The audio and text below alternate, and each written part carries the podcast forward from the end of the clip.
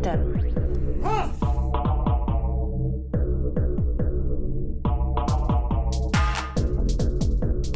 Berätta inte för mig om det svenska klassamhället.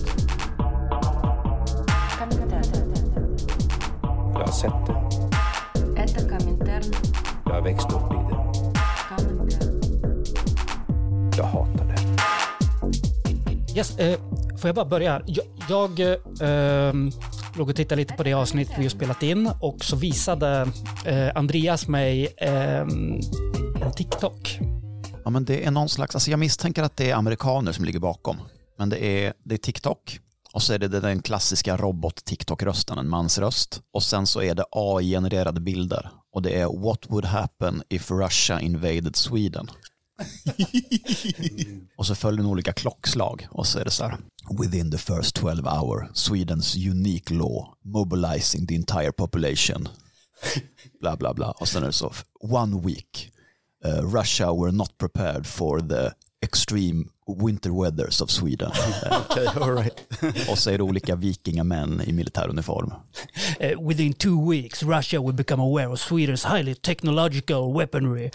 Eh, och eh, det är ju dat- eh, som sagt AI-animerade bilder, så alla ser ut som, eh, alla svenskar har då helt så här AI-genererade påhittade vapen, men också att de ser ut som Space Wolves ifrån Warhammer eh, 40K, att alla ser ut som rymdvikingar. Vi är ju här idag, det, det är jag, Ryan, Jag är fortfarande här, Andreas. Och Gaspar blir ni inte av med i det här avsnittet heller. Har du repat det lite? Jag, är, jag, är lite, jag sov en timme, ja, det blev en sen kväll igår, men jag är, nu är jag återställd. Ehm, Och eh, med oss idag så har vi Viktor Pressfeldt. Ja, hallå, hallå. Det är kul att vara här. Vi, vi skämtade om att vi skulle presentera dig som känd från Twitter och sen så var du eh, otroligt kvick och sa ex-känd. Mesta fyndigheterna kommer innan vi, vi satt på inspelningen tyvärr. Men det, ja. Så det alltid. Men du kanske vill säga någonting om vem du är först? Och du vill sitta närmare micken. ja, jag vill sitta närmare micken. Um, vad, vad fan ska jag... Vad, vad, Alltså att du, vad är, det, är inte du professor i ekonomisk historia eller något sånt där? Du har gjort din research hör jag. Ja, ja. Men du är ju, sitter ju uppe i akademin för helvete. Du sitter där någonstans i det höga huset. jag är då doktorand i historia på Lunds universitet. Och offentlig debattör skulle man kunna säga också. Och är i någon mån kulturskribent och sysslar lite med frilansjournalistik och fotografering och sådär. Så. En, eh, en mänsklig fällkniv. En mänsklig fällkniv. Vi- Och vi, ska, och vi tänkte, eller jag är nyfiken på lite vad du håller på och forskar i just nu. Men vi tänkte att vi ska börja med att prata om eh, en tumultarisk period när du blev eh, liksom känd som, eh, jag vet inte, vad var det du sa eh, Andreas? Ja, eh, men ansiktet utåt för svensk putinism. Just Så har jag tänkt på dig, Viktor. Ja, jag tror många tänkte på mig på det sättet, ska jag säga, och vilket skapade lite så dissonans mot, mot min egen självbild, ska jag säga, eh, länge. Och så, även om jag tror det kanske är lite bortglömt idag, tack och lov, vilket är betecknande för liksom hur Twitter och offentligheten kanske fungerar och så, men, men det var lite tra traumatiskt där ett tag, ska jag säga. Just det, och om vi då spolar klockan bakåt två år. Ryssland invaderar Ukraina. Över en natt så bestämmer sig hela svenska journalist, kultur och politiker eh, etablissemanget att alla hakkors och alla konstiga saker vi ser i Ukraina är egentligen inte hakkors. De betyder någonting annat. Det åker dit journalister och pratar med de här olika förbanden och då pratar vi exempelvis om eh, alltså bataljonen eller vad heter de, eh, höger, högra sektorns eh, militära bataljoner där de då själva kunde berätta om att nej, nej, nej, nej, nej, nej. Och det skapades en väldigt konstig samtalsklimat kring det och också kring orsakerna till kriget i sig. Där tänker jag att du kan få hoppa in lite och berätta vad det var som du reagerade på när allt det här började. Man, man kan väl säga att allting, det kändes som att hela den svenska samhällsdiskursen eller liksom sättet man kunde prata om den här konflikten på, eller som man kunde prata om geopolitik på, kanske överlag förändrades väldigt, väldigt fort när Ryssland genomförde det man då kallar för den fullskaliga invasionen av Ukraina i slutet av februari 2022. Eh, och det jag reagerade mest på var liksom att jag har, väl länge varit liksom en person som varit rätt intresserad av geopolitik, rätt intresserad av liksom östeuropeisk geopolitik, relationen USA-Ryssland, liksom den ryska maktsfären i Östeuropa och sådär. Vilket också inkluderar rysk och ukrainsk och vitrysk inrikespolitik. Och liksom twittrat om det eh, och liksom var van att göra det rätt mycket och ibland i polemik med personer som Oksanen, eh, Krag och Wilderäng och sådär som kunde dyka in i de debatterna. Och det, liksom blev, det fick jag liksom Liksom aldrig något riktigt spinn och de, de liksom hör väl inte med om, om de analyser jag och många i vänstern levererade och sådär som liksom i något mån också försökte peka ut liksom att så här, det väst gör och det, det USA gör är problematiskt också. Det Ryssland gör är också problematiskt såklart men liksom det, det, det är liksom, jag skulle inte säga att alla kanske är lika goda kålsupare men det, liksom, det pågår liksom en geopolitisk konflikt i Östeuropa där stormakterna är spelare och försöker få inflytande om man spelar fult. Men när, när Ryssland genomförde den här invasionen då, eller när man liksom 2022 och liksom helt plötsligt så kunde man inte liksom kontextualisera konflikten, man fick inte längre tala om vad eventuellt, vilken typ av rationalitet som, som drev Ryssland, utan skulle man förklara liksom varför Ryssland gör det här så beror det eventuellt på att Putin har fått en hjärntumör. Eh, kanske är det så att Putin har Aspergers. Kanske har han fått en psykos.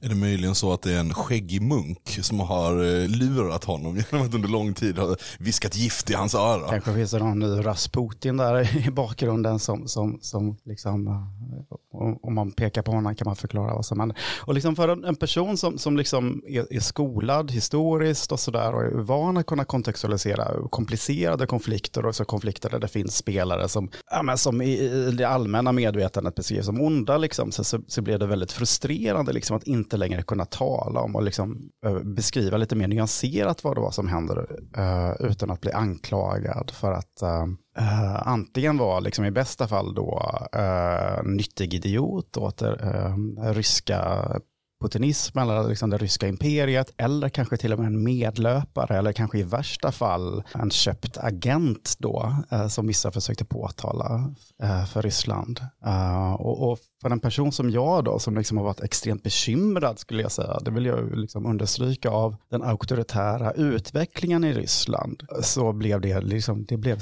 det blev frustrerande liksom att försöka. Eller jag kan tänka mig att du tog anklagelsen om att vara femte kolonnare med en klackspark första gången. Eh, ja, och andra och tredje och fjärde gången också kanske. Men, men, men när liksom ett gäng etablerade personer med, som helt plötsligt då liksom gick från att vara lite så marginaliserade högerkufar, kanske man skulle kunna kalla dem för, som liksom såg som paranoida Patrik Oksanen. Alltså. I, i liksom det allmänna medvetandet gick till att bli som någon typ av sanningssägande experter, så liksom helt plötsligt ställde det här till problem. Uh, liksom i, I någon typ av, av min vardag eller liksom i en semi-offentlig vardag kunde liksom personer jag aldrig hade träffat känna igen mig som den där putinisten. Uh, utan att liksom ha läst någonting jag hade sagt eller liksom lyssnat på någonting jag hade sagt. Och så. Det, det blev liksom oerhört frustrerande och hela tiden behöva kämpa emot den bilden. Och, och, och jag försökte väl i någon mån liksom, uh, ignorera det tror jag. Eh, till en början och fortsätta leverera vad jag tyckte då var rimliga och, kontextualiserande analyser av det geopolitiska läget och, och, och, diskutera vad som hände i Ukraina, vad som liksom hände mellan, i relationerna mellan väst och öst och sådär. Uh, men jag tror liksom att så här, efter några månader av, av, och, och, av det här, då ska man väl säga att uh, ungefär efter en månad så blev jag avstängd från, från Twitter. Det kom väldigt plötsligt. Det kom också liksom i ett sammanhang där jag fick rätt mycket e-postmeddelanden från eh, personer som påstod sig komma från Ukraina. Jag fick telefonsamtal med ukrainska riktnummer. Så det, det som hände var ju Oksanen, som jag aldrig hade hört talas om eh, innan det här. Jag hade inte hört talas om Lars Wilderäng heller, men det kanske är för att jag inte läser så svensk kiosklitteratur. Och de personerna, eh, de homade ju in på dig som eh, två missiler. Vad var det liksom för, men vad var det liksom för kritik de kom med, eller påhopp? Som, som liksom, eh, eh, satte dig i den här ganska riskfyllda situationen då, som ledde till de här sakerna? Alltså det man ska säga liksom att, att uh, deras huvudkritik gick ju liksom inte ut på att jag hade fel eller att jag sa något som kanske inte stämde, utan man menar att jag drev ett felaktigt narrativ. Helt enkelt att, att jag berättade om den här konflikten på ett sätt som liksom inte tjänar då västerländska, kanske, det är min egen analys ska jag väl säga, men västerländska geopolitiska intressen i en, liksom en situation som de menar då är, är riskfylld och, och där Sverige då till syvende och sist hotas att invaderas av Ryssland kanske. Kanske var den analysen. Just det, för eh, den som minns så var ju också där någonting, eh, det här någonting som hände ute på kultursidorna i olika stora svensk med. Eh, Aftonbladet fick ju sluta ta in gästkrönikörer som skrev om konflikten. Journalister hamnade under stor granskning ifrån andra medier som menade där då att de eh, drev en putinistisk eh, linje där man egentligen då försöker prata om en, en katastrofal krigssituation som har uppstått.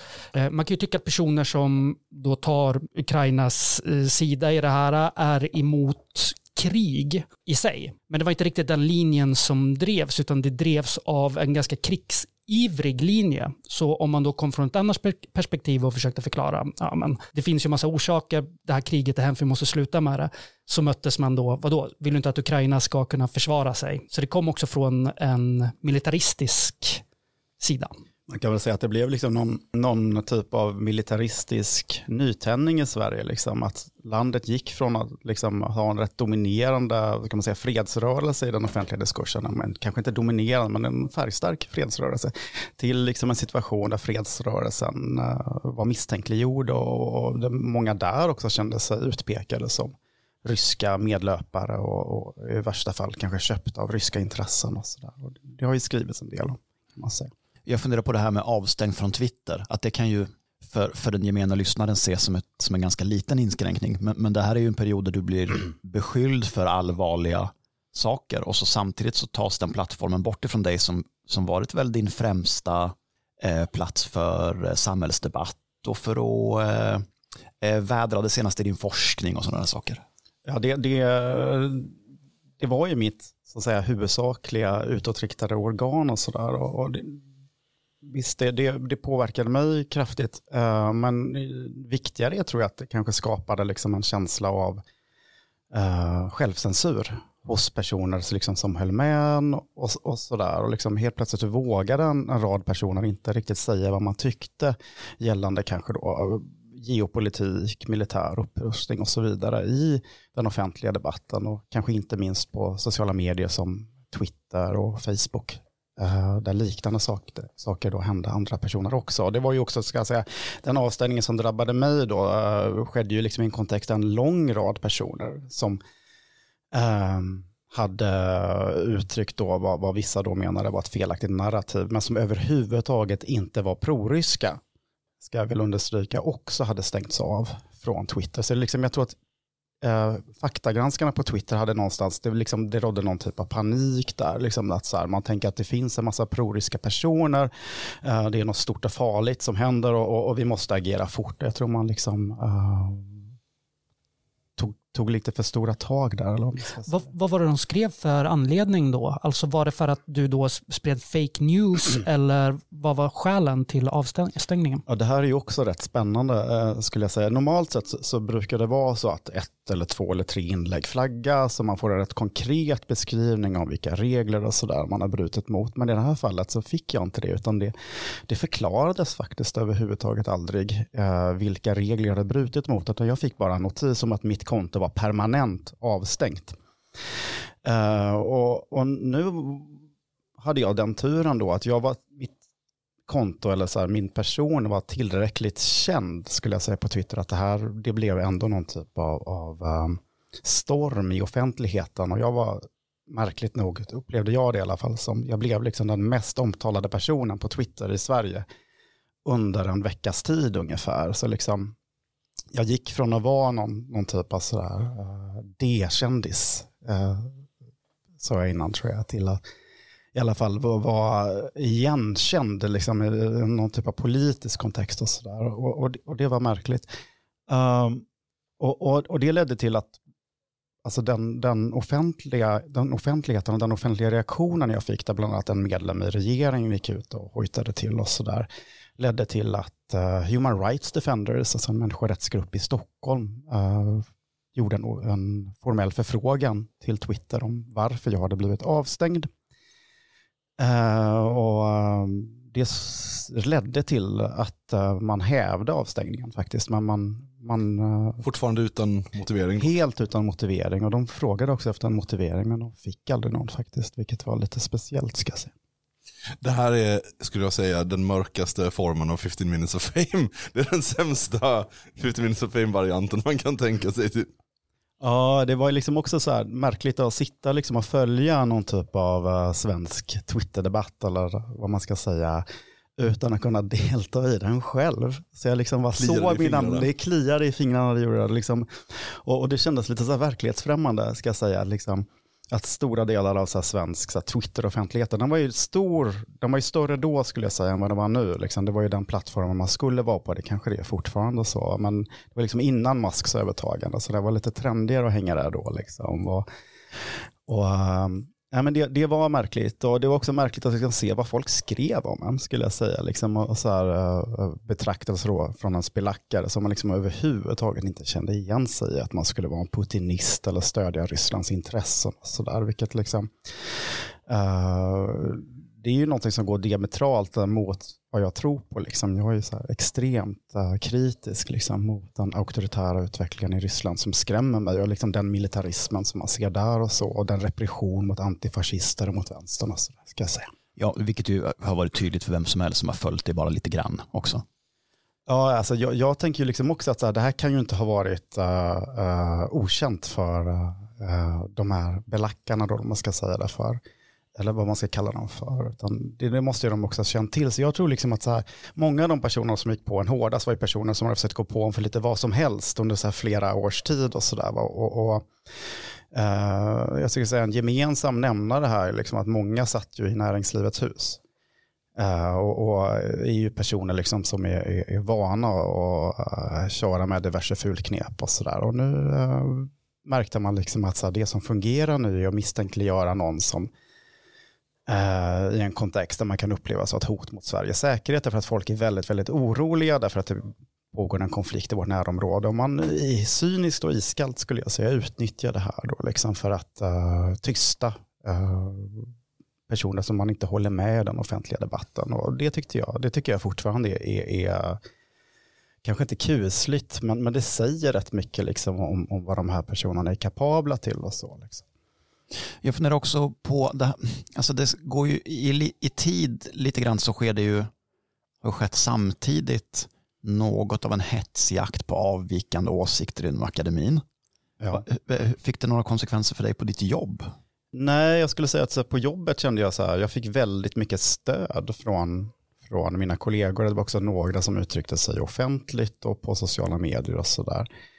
Uh, och, och det är väl så att, liksom att jag var kanske van att kunna tala på ett sätt som man kan tala i akademin, liksom, där man kan göra de här nyanserade analyserna liksom, på seminarienivå, eller vad man ska säga. Liksom. Och sen försökte jag göra samma sak på Twitter och då gick det liksom åt helvete, eller vad man ska säga. då, då kunde liksom de nyanseringarna, man, man, man, man, eller de kontextualiseringarna som man försökte leverera, liksom, användas som bevis för att man, man uh, ville minska stridsviljan i väst eller något liknande. Skulle jag säga. Och jag tänker att det har ju funkat ganska bra. Alltså att man kan ju prata om eh, ja, ja, men Twitter, det som händer på Twitter, det reflekterar inte vad som händer ute i världen och väldigt ofta är det ju sant. Jag och Andreas pratar ju till exempel om att sen jag slutade använda Twitter för två år sedan, jag har inte hört talas om Hanif Bali i liksom något sammanhang i princip, utan det är ju liksom i den här bubblan där man exponeras för de här personerna och så kan man få en felaktig bild av vad som liksom, ja men det är så här i resten av eh, eh, samhället också. Men det vi har, och du får ju säga, säga till om du inte håller med, eh, eller håller med också, men eh, är ju att igår ratificerades Sveriges eh, eh, medlemskap i NATO av, eh, eller godkännande i Turkiet. Och man får tänka att det kanske känns som jättelänge som, eh, eh som den här eh, NATO-processen och sånt har pågått, men det är bara två år för bara två år sedan, eller lite mindre än två år sedan, så var det väldigt långt ifrån att vi skulle gå med i NATO. Och det som hänt i det politiska livet, alltså de som då ska representera oss, har ju också varit en rädsla för att gå emot ett NATO-beslut, utan helt plötsligt fanns en konsensus. Den här hetsjakten som du upplevde på Twitter var ju någonting som politiker som kanske i vanliga fall hade varit emot ett NATO-medlemskap eh, eh, var rädda för att uppleva i det verkliga livet också. Ja, och med eller utan NATO-medlemskap så diskussionen om export av vapen och vad man ska förväntas vara beredd att göra för att inom citationstecken försvara Sverige och så vidare. Det skedde ett skifte den tiden som verkligen består. Jag, jag, jag tror liksom att, att uh, NATO-frågan kanske är, förklarar mycket mer eh, uh, den offentliga samtalstonen än, än vad liksom, uh, vilken åsikt man hade gällande Ukraina-konflikten. Uh, därför att de här personerna som, som gick in och var oerhört aggressiva, men så här, uh, Lars Wildereng, Martin Krag, uh, och så vidare, var ju personer som har lobbat väldigt länge för ett svenskt NATO-medlemskap. Helt plötsligt ser man en öppning eh, och man kan använda liksom den här känslan av kris, man kan använda känslan av undantag för att snabbt kunna, jag vet inte, lobba igenom en, en, en, en eh, anslutning till, till NATO utan offentlig debatt. Och det, det, jag ska inte säga att de var de enda personerna där, att de kanske inte var de viktigaste personerna där, men de var ju de var goda exempel på det ska jag säga. Och där lyckades man ju. Alltså vi, vi Sverige lyckades ju göra, eller vi gick ifrån att så här, ha en majoritet som var emot NATO, liksom där socialdemokratin var emot NATO, eh, majoriteten i riksdagen var emot NATO, till att skicka in en ansökan utan någon form av offentlig debatt. Och detta skedde också mitt under en valrörelse ska man säga. Och det var ju exceptionellt.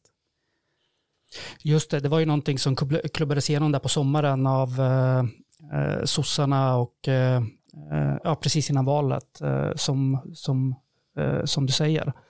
Och vi, vi befinner oss i en så post Ryssland, Ukraina värld. hur känner du liksom att dina initiella eh, ja, men spaningar på vad det var som höll på att hända i Ukraina och sånt, är det saker som har inträffat sen?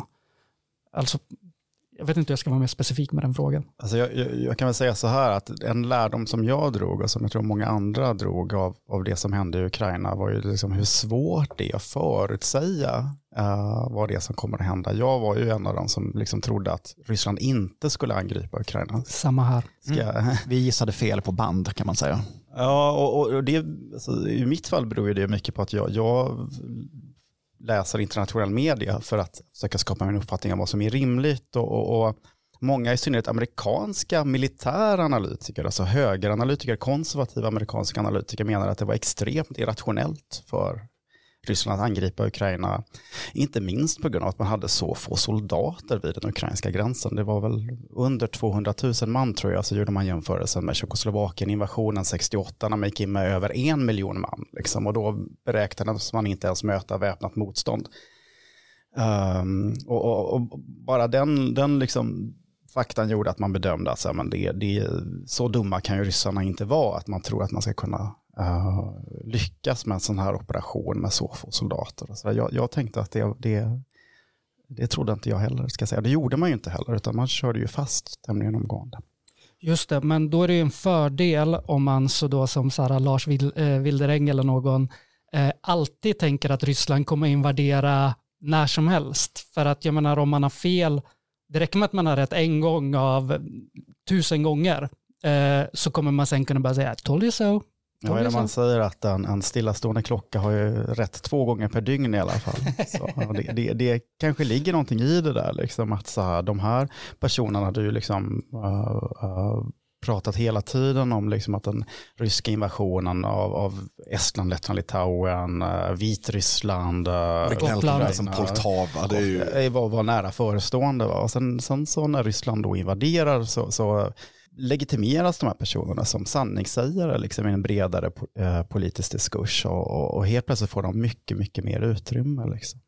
Det tror jag hände och, och, och påverkade liksom, jag tror fortfarande det påverkar lite hur man, hur man kan prata om geopolitik i, i, i media och sådär. Vi, vi, du nämnde liksom att att uh, det som pågår på Twitter och i sociala medier alltså är en bubbla någonstans, att det inte har så stor påverkan för, för liksom resten av samhället. Och det stämmer tror jag på sätt och vis. Men, men det tragiska är liksom att journalister hänger på Twitter i hög utsträckning och de tenderar att tro att det som händer på Twitter återspeglar opinionen liksom i, i, i det bredare samhället och det ställer till problem.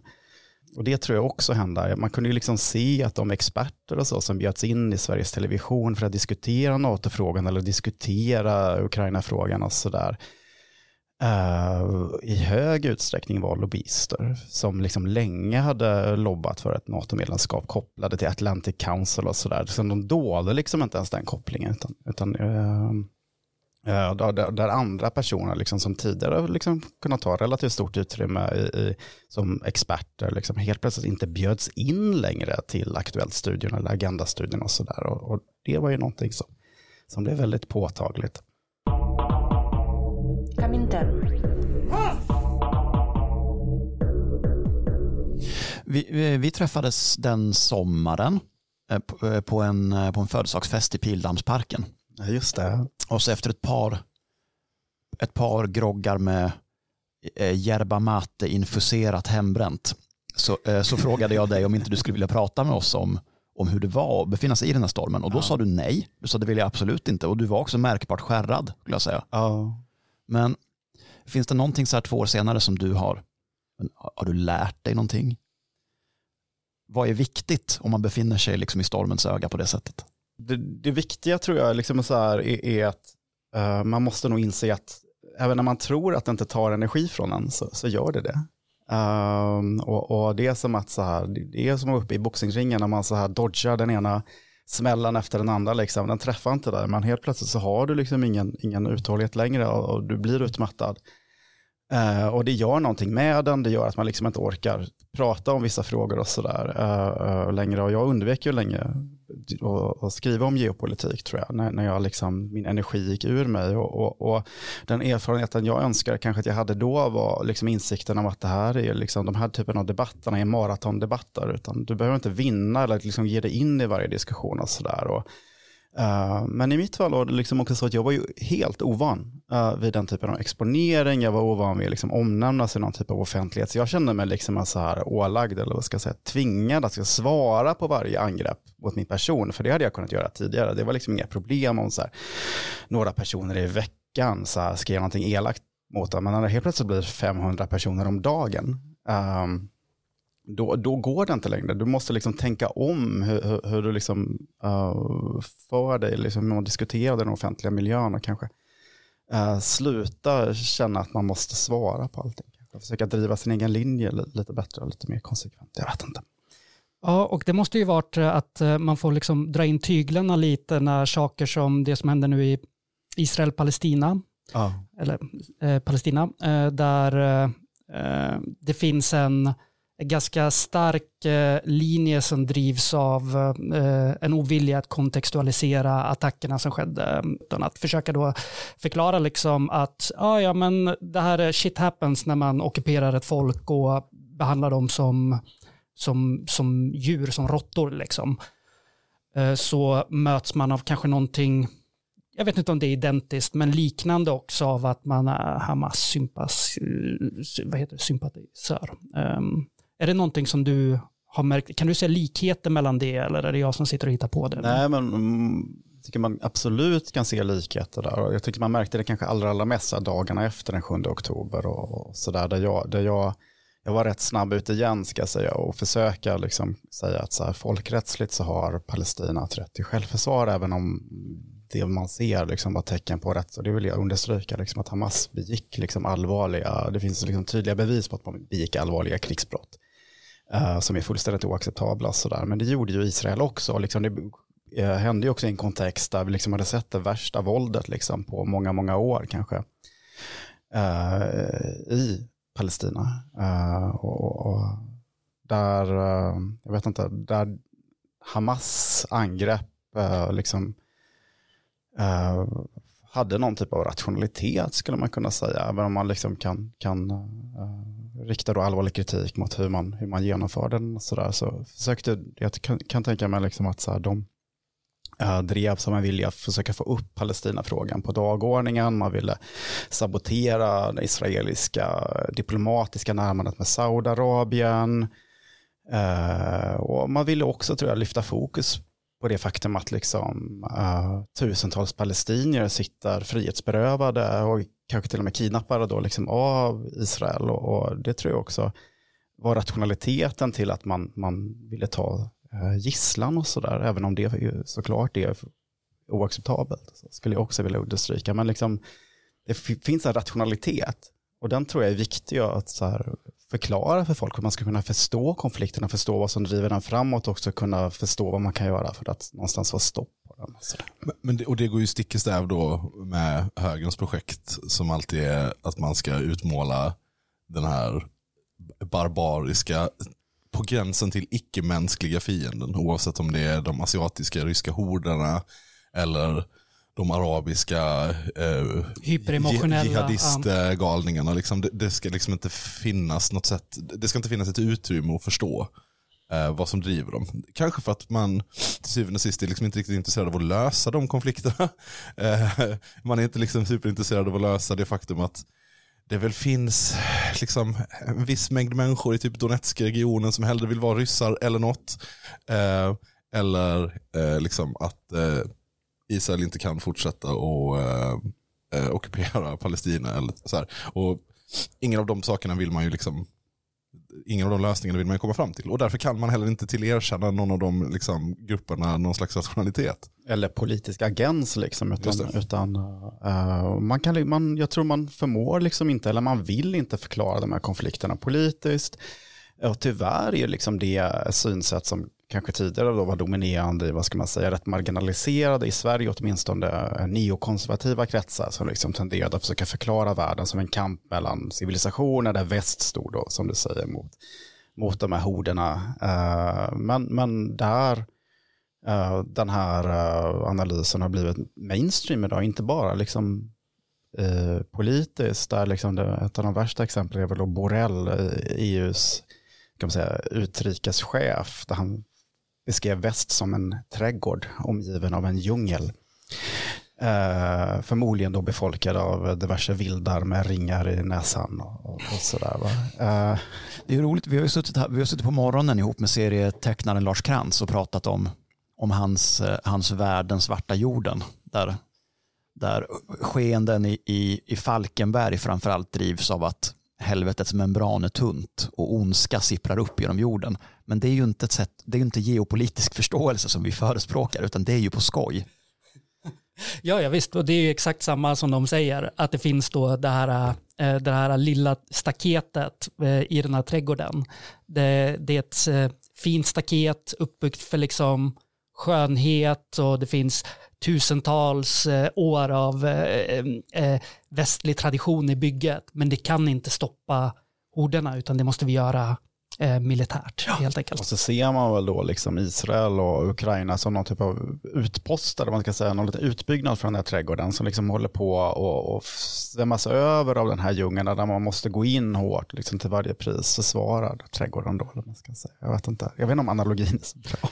Nej, men ditt jobb är ju inte heller, du är ju inte rollspelskonstruktör, va? utan du tenderar ju att se händelser som delar historiska skeenden och då, då blir det lätt eh, lite mer komplicerat. Ja, men, men, men spaningen då som är tragisk är väl liksom att så här, den dominerande geopolitiska analysen idag är liksom att det väst står mot, mot den andra liksom. Mm. Och det tror jag liksom är, är, är om jag, nu är jag skeptisk till de här narrativ, narrativen då, eller vad man ska säga, man får prata på metanivå. Men jag tror det är viktigt att, att, att bekämpa den typen av, av problemformuleringar, för jag tror de gör väldigt mycket med sättet vi tänker på omvärlden och hur också vi vill att interagera, även med människor som bor i Sverige och sådär. Ja, men jag tänker också att attacken i sig mot alltså, räden in i Israel i sig, den är nog inte tillräcklig för att kunna skapa den här reaktionen, utan det här bygger ju också på tio år islamofobi i Sverige, där man liksom har kunnat avmänskliga folk till, en- alltså att det hör samman med den politiken vi har här också.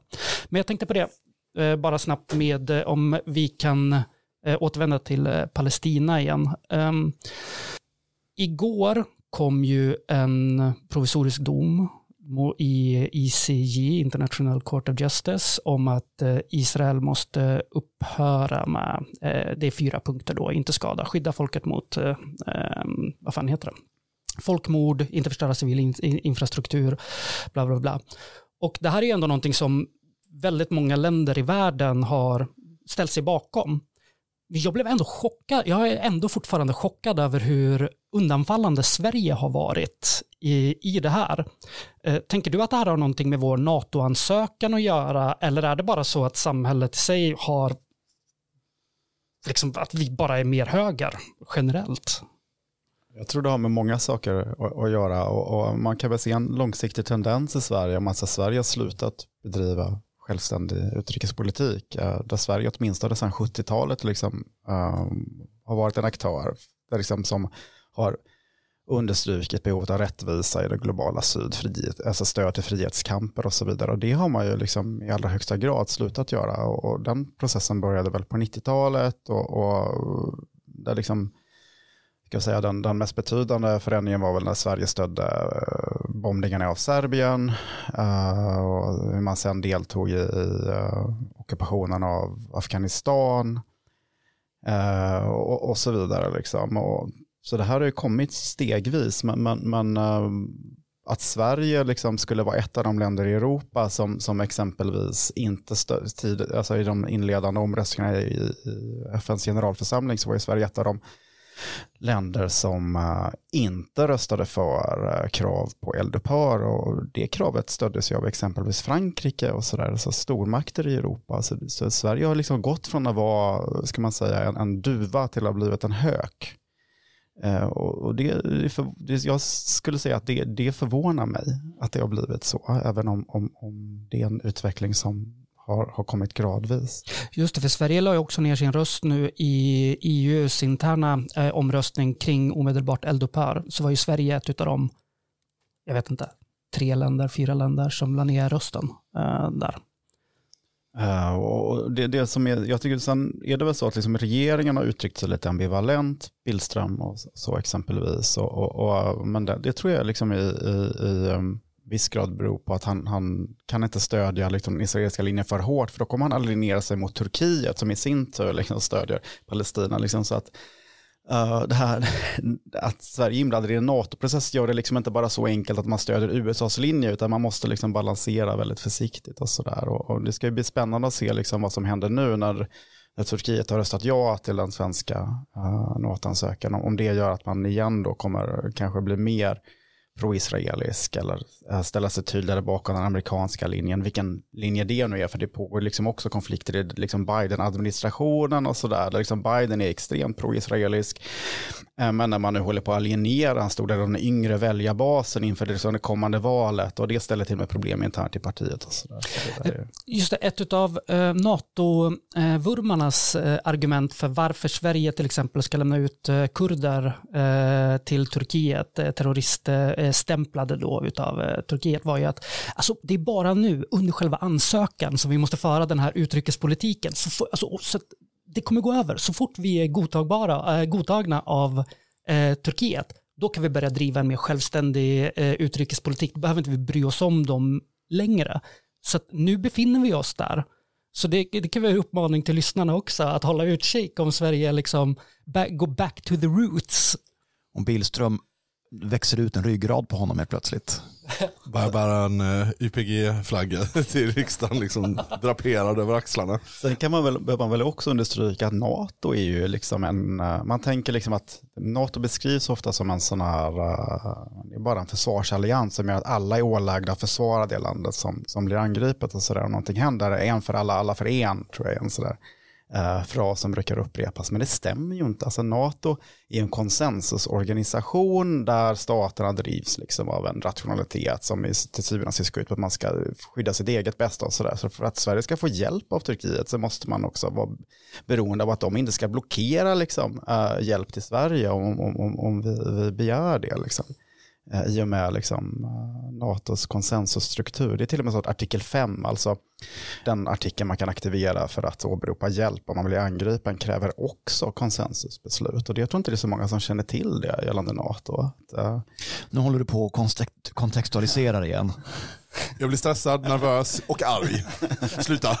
Det låter som Putins snack det där.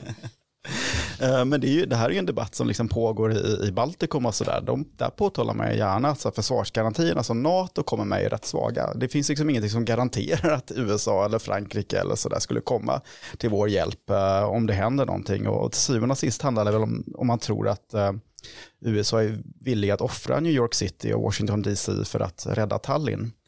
Uh, om man är villig att ta en vätebombsattack och det är ju många som inte tror att man är det. Liksom. Så att risken är ju också att NATO invaggar folk i någon, vad ska man säga, nu låter jag som en högerrealist, men, i, någon falsk, i någon falsk trygghet och så. Jag tror liksom, den risken finns ju också när man inte kan tala om de här sakerna på ett nyanserat sätt, att man liksom vaggar alltså här, man, man får en helt eh, sned liksom förståelse av världen och vilka rationaliteter, vilka möjligheter som finns och så där om någonting händer. Comintern. Ska vi snacka någonting om vad du gör när du inte eh, förargar borgerligheten på internet?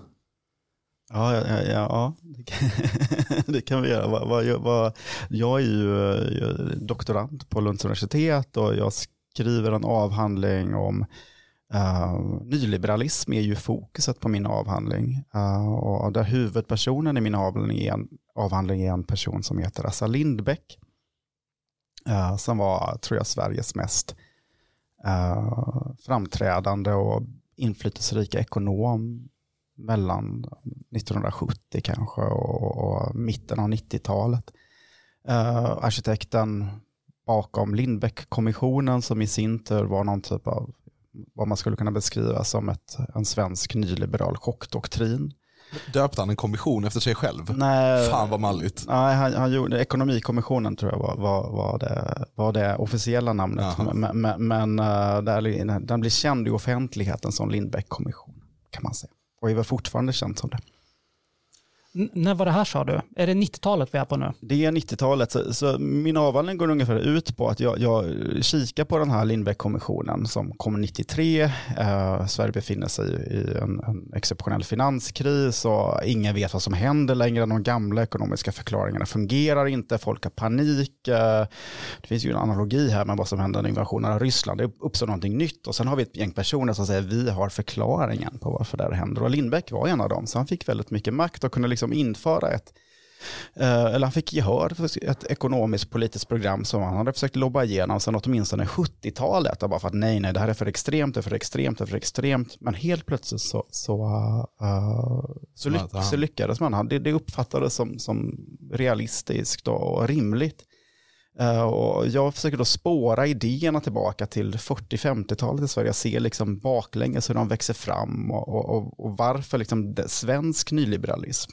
Det är den jag är intresserad av. Alltså en typ av nyliberalism där marknadslösningar är alldeles centrala men också idén om att man kan ha en stark stat och liksom en rätt utvecklad välfärdssektor men som ska styras på ett marknadsmässigt sätt i konkurrens och med upphandlingar och, och med aktörer som är privata företag men de ska finansieras offentligt och sådär. Är det det alltså som skiljer den svenska nyliberalismen eh, från den amerikanska då? Är den mer eh, libertariansk? Eh, eller hur, hur skulle du säga att skillnaden är där? Uh, det, det, jag skulle säga att det är lite komplicerat, men, men Chicago-skolan som kanske är den dominerande amerikanska nyliberalismen, den är ju lite mer anarkistisk. Uh, vi har ju dominerande tänkare, det är någon som Milton Friedman och han säger offentligt att han gillar inte staten och sådär och, och, och är mycket mer statskritisk i alla fall i, en, i sina offentliga uttalanden än vad Uh, än någon som Assa Lindbeck skulle vara. Sådär. Uh, men det finns också andra typer av amerikansk nyliberalism. Vi har Virginia-skolan med James Buchanan som liksom är känd som public choice-skolan. Och den tror jag har blivit extremt inflytelserik, inte bara i Sverige men i Storbritannien och i resten av EU. Och den bygger i hög utsträckning på idén om att det är staten som ska skötas som ett företag, tror jag man skulle kunna uh, koka ner den linjen till. Den går överhuvudtaget inte ner på att staten måste krympa. Men det är liksom hur staten ska agera som aktör, inte hur stor den ska vara. Just det, så att man hoppar över hela den här grejen om att eh, konsumenterna ska liksom eh, söka upp själva eh, försäljaren utan att det är staten som gör det åt den. Man kan bara betala skatt precis som vanligt, men de pengarna kommer sen gå till den verksamheten som kanske är en skola som ens barn hamnar i. Men jag tror konsumentidén är fortfarande väldigt central. Eh, Men det, det handlar liksom om att föräldrarna som väljer skola ska välja skola som finansieras av staten som om de vore konsumenter. Så skolan ska ändå vara en sorts vara och de, de här skolorna ska agera i konkurrens.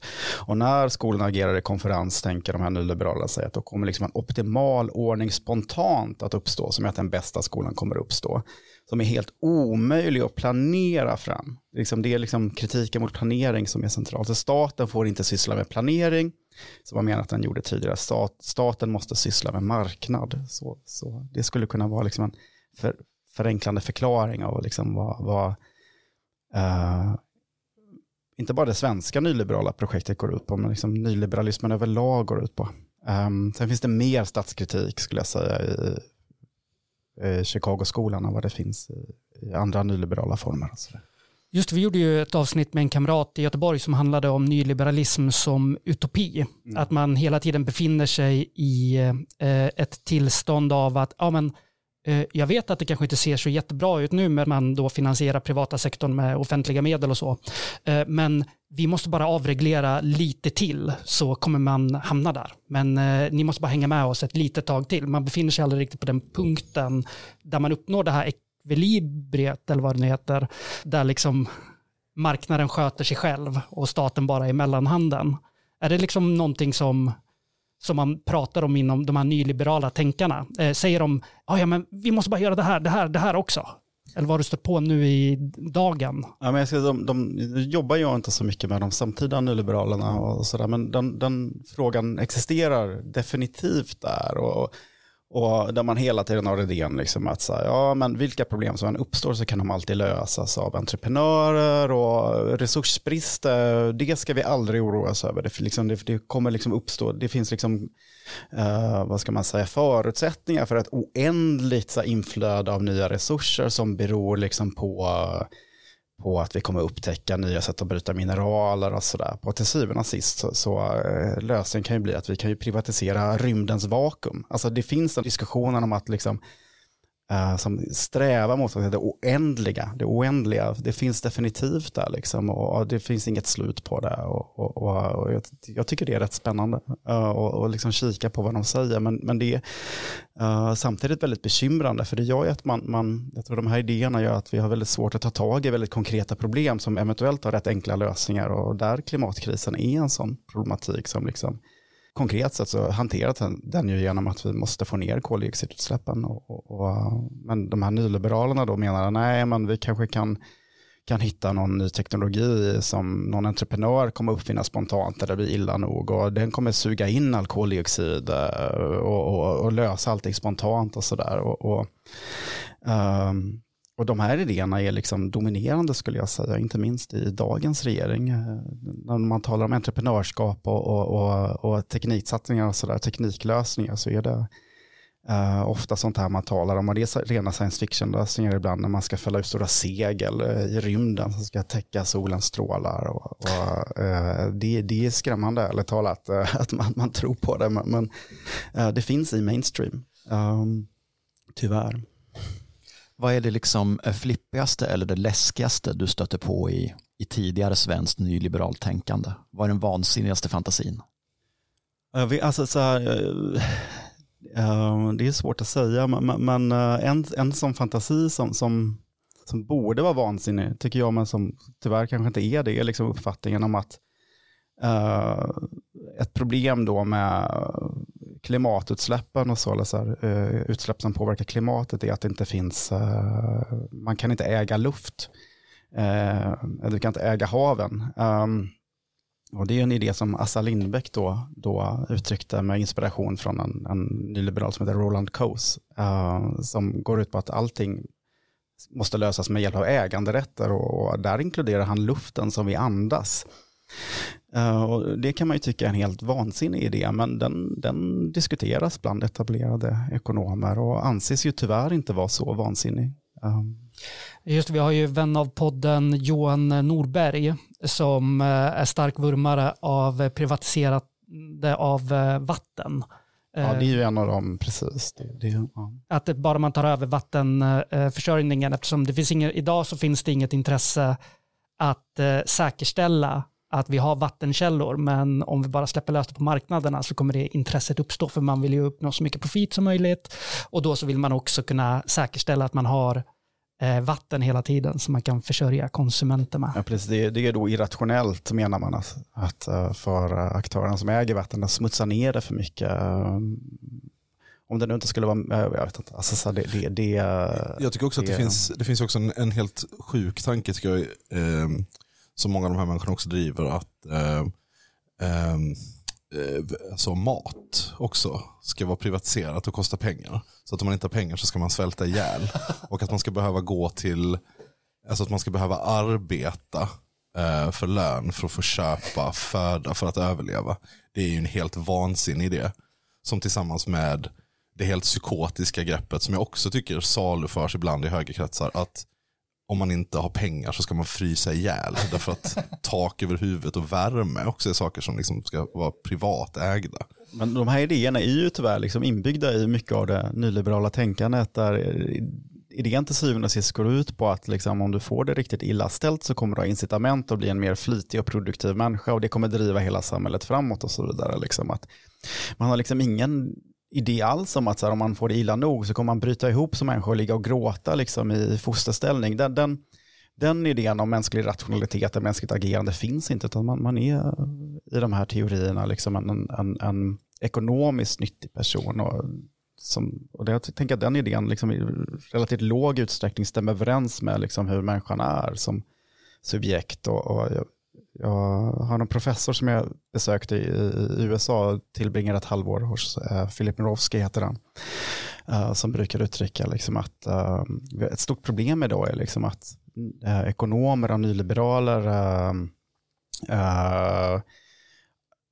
liksom ges utrymme för att vara någon typ av antropolog eller alltså så här, kännare av mänskligt beteende, men det är förmodligen de sämsta människokännarna som finns, utan det, deras liksom, modeller av, eller deras idéer om hur människan fungerar, finns, fungerar bara i deras modeller, men när de möter verkligheten så går det liksom inte. För att de har ju liksom ändå en så här fundamental ontologisk idé av hur världen fungerar. Alltså det, det, ekonomin där handlar ju också om vad det är som utgör den mänskliga essensen och då är vi inne på Friedman till exempel att det som utgör en människa är rationalitet och den rationaliteten eh, är inget uttryck just för vad vi säger eller tänker utan i hur vi agerar ekonomiskt. Att det är, eller missrepresenterar jag hans idéer där. Nej, det, det- är så här ett skruvade jävla eh, take som vad det innebär att vara människa i sig. Den här, ny, jag tycker det, den här nyliberala ontologin är, är väldigt spännande. Den, går liksom, den, den främsta företrädaren där är en annan Chicago-ekonom som heter Gary Becker.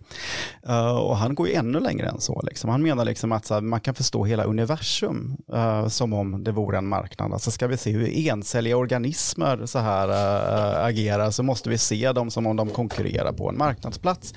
Uh, och, och, och, och sen kan man upphålla makronivå liksom, där man kan liksom förklara hur stater agerar mot varandra. Och så där. Och eh, man, idén då är att man, man kan använda ungefär samma analys för att förstå en, en cell som en, en, en, en stat eller ett kluster stater som agerar mot andra kluster av stater och så vidare. Och, och, och tyvärr är det väl så liksom, att de här idéerna är, är väldigt dominerande.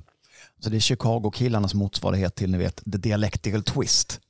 Just det, att eh, cell, celldelning måste förklaras via del, del, dialektik och så också. Att inte- IMTs problem med Big Bang och sådär. Ja, absolut. Ja, men man kan verkligen dra analogier till så här, jag vet inte, vi- vi- vissa eh, så här marxistiska analyser av världen. Så jag vet inte, som blir rätt reduktionistiska ibland. Precis, men de är ju också ma marginella. Eh, Det är liksom så här, vad heter det, fringe. Det här är personer, de, som, de andra är personer som styr hela vår ekonomi just Ja, nu och ja. hela vår framtid. Ja, det, Jag känner ju de flesta av killarna som, som menar att det är liksom, vi måste förstå dialektik. ja, dialektiken hos, cellbildning. i atomläran. Liksom. Just det, universum. Ja, eh, kanske poddens svåraste fråga. Eh, när är den här avhandlingen klar då? Ja, det ser just nu som jag kommer disputera i maj. Så Så pass. snart. Jag sitter med slutskrivning nu så jag borde ju knappt vara här, tänker jag. Jag Nej. borde bara sitta och... och ja. Kommer den ut i något sånt eh, lättsmält? eh, Finns det ett förlag som har nappat redan? Blir det en Ja, fackbok också? det, det, det blir en bok, men jag kommer ge ut den på Lunds universitets eget förlag som det ser ut nu. Och, och sen får vi se om jag kommer skriva om den i lite mer lättillgänglig form och, och ge ut den på någon typ av internationellt förlag. Ja. Det vore snällt mot uh, Oshot-huven i alla Ja. fall. Men jag försöker. Det är så här, jag är historiker och, och jag lägger lite prestige i att, att skriva rim, så här, hyfsat lättbegripligt. Men det är också att man blir så här, anklagad av handledarna för att vara så här, "Nej, men du måste låta lite tråkigare. Så där fick jag höra sist. Men jag, jag vill inte låta tråkig, jag vill vara lite catchy. Jag vill ju bli läst, men, men det kanske är så här Twitter-Viktor som, som, som så spökar i avhandlingen. Och den, den, mina handledare försöker få bort Twitter-Viktor ur avhandlingen och jag också ska jag säga i någon mån. Det, det är lite så här, jag, jag tycker liksom många, många nyliberaler och så följer mig på, på X eller på Twitter och, och de är så väldigt oroliga för att ja, men, um, han missrepresenterar oss hårt. Liksom och så. Men jag, jag tänker liksom att jag, jag, jag drivs liksom av något helt annat i min vetenskapliga form. Och liksom en känsla av att jag vill förstå vad de håller på med snarare än att kritisera det. Tror jag. Och det är en genuin så här, uh, vilja att förstå dem. Så. Ja, det är vi väldigt glada för. Att, att du är lite roligare än gemene, gemene Lund-akademiker. Ehm, har du några avslutande ord? Vill du eh, tipsa om någonting förutom införskaffa den här boken då? Oj, det, i sommar. skulle, det skulle ha, ha, ha ja, men det, det, eh, stay tuned för min avhandling då.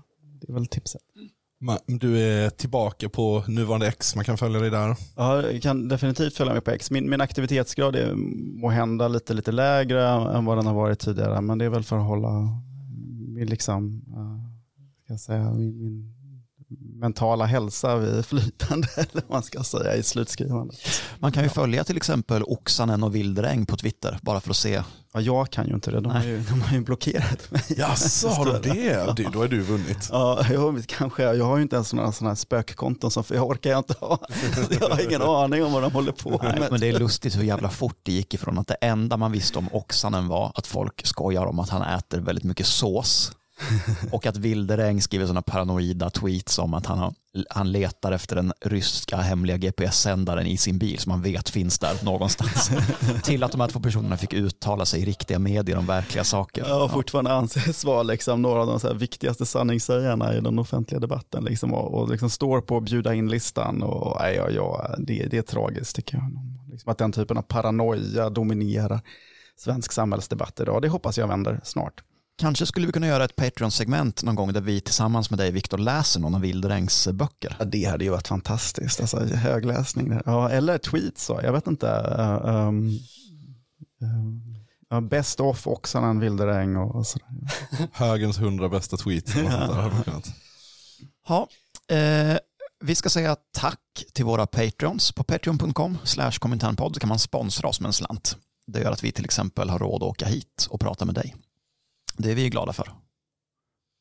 Och så vill vi tacka Viktor så jättemycket för Ja. att du tog dig hit idag. Det har varit jättekul. Ja, jättekul att vara här. Tack för att jag fick komma. Är det så att ni blir arga på Viktor nu och vill anklaga honom för att vara affilierad med Vladimir Putin, skriv det till oss då istället.